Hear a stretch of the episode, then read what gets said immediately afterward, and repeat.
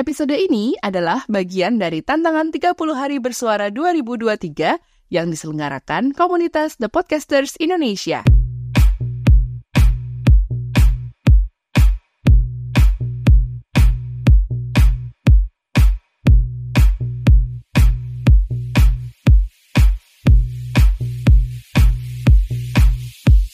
Assalamualaikum, apa kabarnya Bu Ibu? Udah sembuh dari sakit kan? Speedy recovery ya Bu? Emang gak enak ya Bu sakit lama-lama tuh?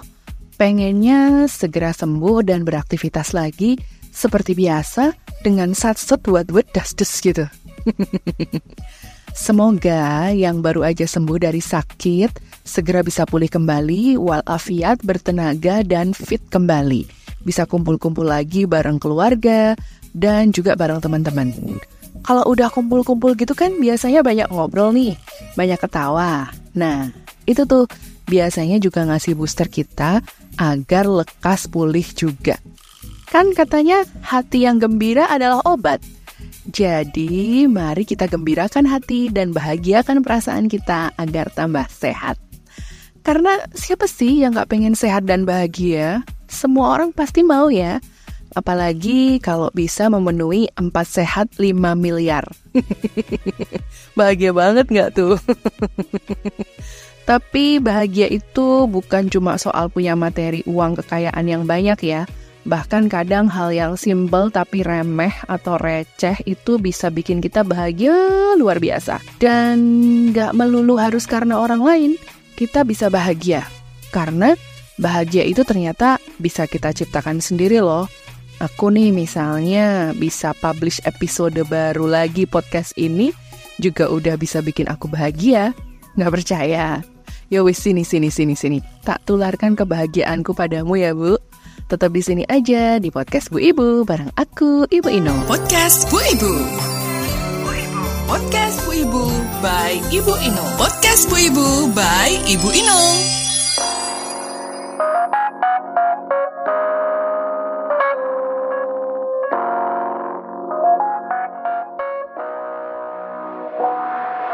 Bu Ibu, banyak yang bilang bahwa uang gak bisa membeli kebahagiaan. Karena sebenarnya kebahagiaan atau happiness itu adalah rasa yang muncul dari dalam diri kita. Bahkan banyak juga yang bilang, menjadi bahagia itu murah dan mudah kok, gak perlu duit banyak.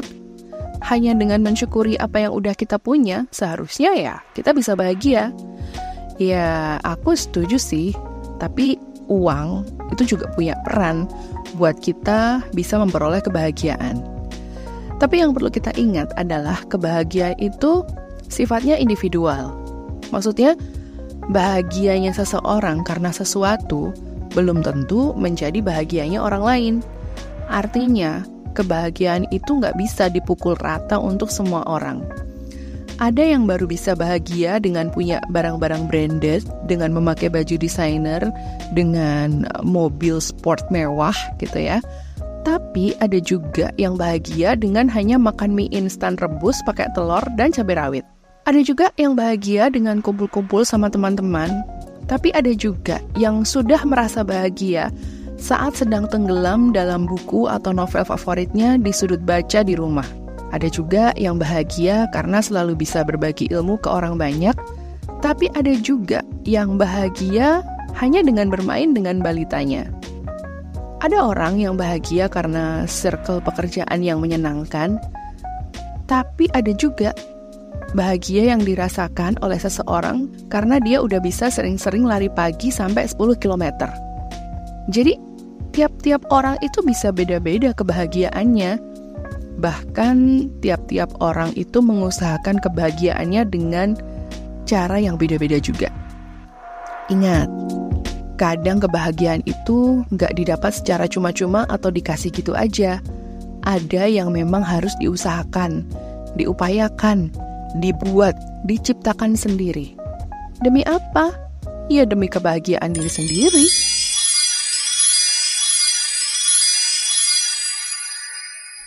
Bu Ibu, ketika aku bilang bahwa kebahagiaan itu bisa diupayakan atau diciptakan sendiri, itu tuh karena aku yakin bahwa kita nggak boleh terus-terusan bergantung pada orang lain untuk memberi kebahagiaan pada kita. Misalnya gini nih, uh, Bu Ibu itu sangat yakin bahwa pertemanan Ibu dengan seseorang akan bisa membawa kebahagiaan buat Ibu. Karena menurut Ibu, si teman ini sering memberi kita hadiah. Sering traktir kita misalnya. Dan sering memberi kata-kata semangat buat kita.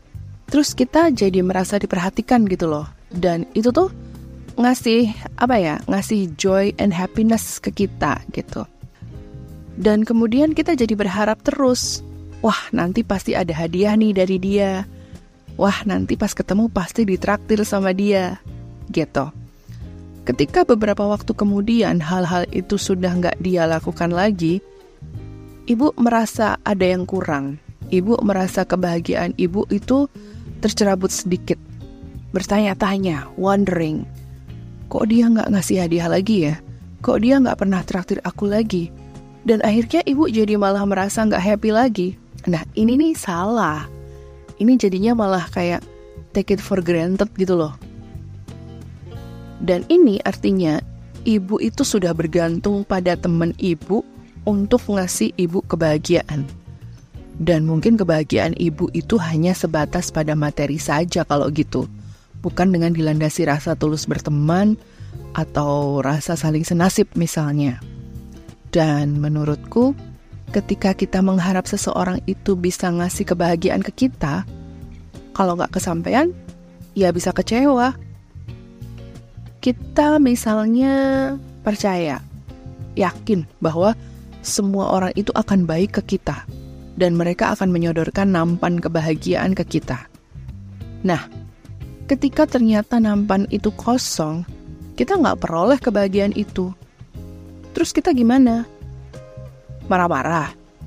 Sedih? Kecewa? That is why we should not expect too much. Justru kita juga harus bisa menciptakan kebahagiaan diri kita sendiri. Apa yang bisa kita lakukan misalnya? Macam-macam sih. Yang penting itu membawa perasaan joyful, tapi juga sekaligus merasakan serenity dan juga satisfaction tersendiri buat kita. Aku sendiri, uh, aku sendiri saat ini merasa bahwa hal-hal yang sifatnya melibatkan crowd di sekelilingku itu kurang membuatku bahagia lagi. Maksudku gini ya, dulu tuh aku kan seneng cari suasana rame gitu entah di mall entah di sebuah pergelaran atau pertunjukan atau pokoknya yang rame-rame lah pasar malam misalnya kayak gitu ya gitu-gitu tuh aku tuh bisa happy banget gitu loh karena aku merasa I am part of it aku nggak ketinggalan juga dengan yang lain gitu I'm part of the trend I'm part of the trend bahkan merasa belum lengkap kalau nggak berada di tempat tertentu kayak orang-orang itu gitu. Tapi makin ke sini, makin kesono.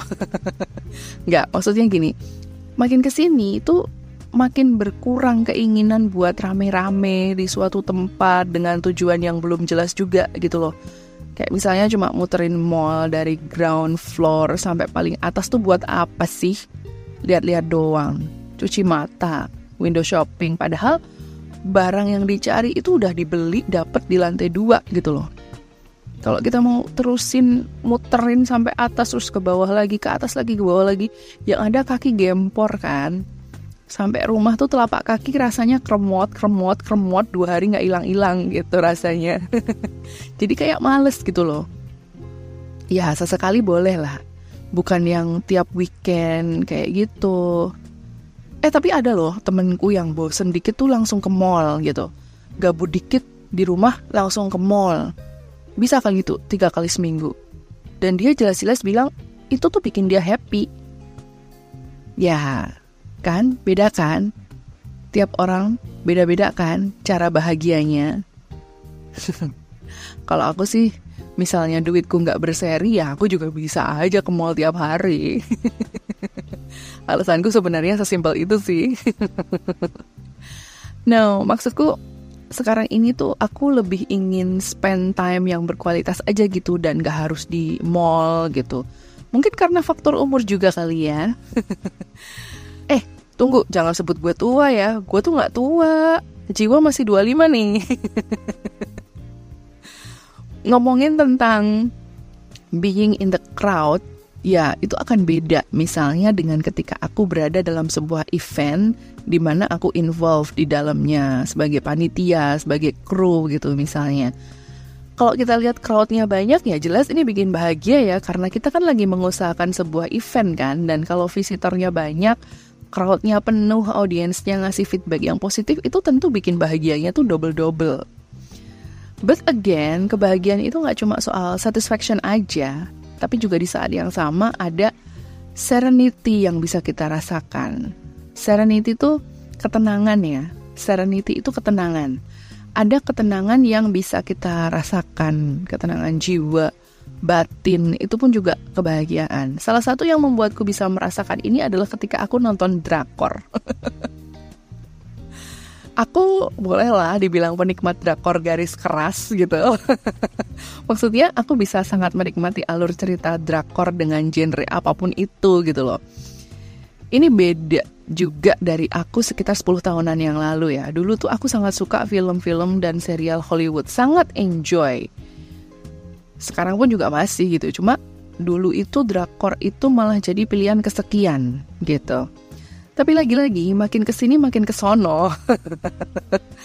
Makin ke sini drakor itu kan berkembang ya dan sangat mencuri perhatian gitu. Dan kalau kita udah nonton itu pasti akan nagih gitu loh ya. Rasa itu tuh belum bisa hilang gitu. Mungkin karena ceritanya beragam alurnya menarik visualnya nggak ngebosenin. Walaupun ada juga sih beberapa judul yang ngebetein tapi tetap bikin aku tuh ya genggam heso gitu ya alias bikin penasaran. Gimana sih kelanjutan ceritanya gitu. Karena nggak mau ketinggalan satu episode pun gitu. Tapi saat aku larut dalam drakor gitu ya aku merasa ada ketenangan gitu. Entah karena ada ceritanya yang relate atau ada dialog yang relate atau atau ada kata-kata yang relate atau mungkin ada adegan yang relate I don't know tapi ini salah satu kebahagiaanku yang bisa aku rasain gitu Selain itu, beberapa hal yang bikin bahagiaku perlahan tumbuh itu adalah dengan mengeset boundaries ya. Membuat boundaries itu terutama terhadap orang-orang yang menurutku tidak memberi kontribusi kebahagiaan buatku gitu. Dalam artian tuh gini, aku berada dalam circle itu pun tidak merasa dalam vibe yang sama. Tidak membuatku berkembang. Bahkan kadang hanya membuatku uh, kayak terjebak dalam segala intrik-intrik gitu loh. And I don't think to fit with them no more gitu loh. Jadi aku memutuskan untuk set boundaries aja dan gak perlu repot nyambung-nyambung lidah buat bergaul dengan mereka gitu nggak nggak mau aku nggak perlu gitu lah nggak aku perlukan lagi. Just, just be be silent gitu. Daripada aku masuk ke drama yang nggak mutu dan berakhir dengan aku yang nggak sehat mentalnya mending aku blok diriku sendiri dari mereka gitu. Dan yang aku rasakan adalah aku lebih tenang lebih happy nggak ada beban eh, nggak uh, ada kewajiban buat menyenangkan mereka. I am being me gitu. And by making ourselves genuine, it can make us happy, ya nggak sih? Nah, setting boundaries ini bukan berarti aku nggak mau gaul atau being eksklusif ya. Aku tetap welcome sih terhadap mereka yang meyakini bahwa aku punya kontribusi juga pada kebahagiaan mereka. Maksudku, kita saling gitu loh, saling menyebarkan vibe yang bisa menciptakan kebahagiaan bersama-sama dan yang pasti bisa bikin sama-sama develop sama-sama berkembang, sama-sama growing jadi lebih tinggi gitu. Itu aku sangat welcome gitu. Ya, kalau misalnya orang bilang aku eksklusif ya terserah sih. Aku sih menyebutnya one of a kind atau limited edition.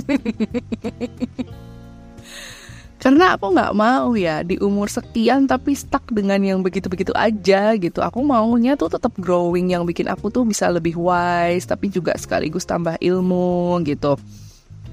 Dan aku tidak uh, menutup kemungkinan juga untuk bergaul dengan yang lebih muda kayak gitu-gitu. Asal aku bisa growing dengan baik itu itu buat aku adalah salah satu hal yang bisa bikin aku bahagia juga gitu what matters the most is bahagia aku ya karena aku gitu karena aku yang ciptakan gitu. Dan itu demi apa? Demi kewarasan dan ketenangan batin gitu. Itu yang jelas ya. Uh, mental health yang sekarang digaung-gaungkan gitu ya memang aku juga harus harus melakukannya juga gitu. Bahwa uh, aku harus menyelamatkan mental healthku dulu gitu. Gak gila aja udah alhamdulillah gitu ya Jadi ya memang harus kita ciptakan sendiri. Kalau memang kita perlu coret orang-orang yang nggak bikin kita bahagia, ya coret aja. Nggak usah di apa? Nggak usah jadi people pleaser gitu loh. Nggak usah being fake gitu. Ngapain gitu ya? Being genuine aja kayak gitu. Kalau Bu Ibu bagaimana? Supaya bisa lebih bahagia lagi. Jangan lupa bahagia ya Bu ya. Jangan lupa bahagia. Oke? Okay? Oke? Okay? Thank you for being here with me. Aku Ibu Inung. See you on my next episode of Podcast Bu Ibu.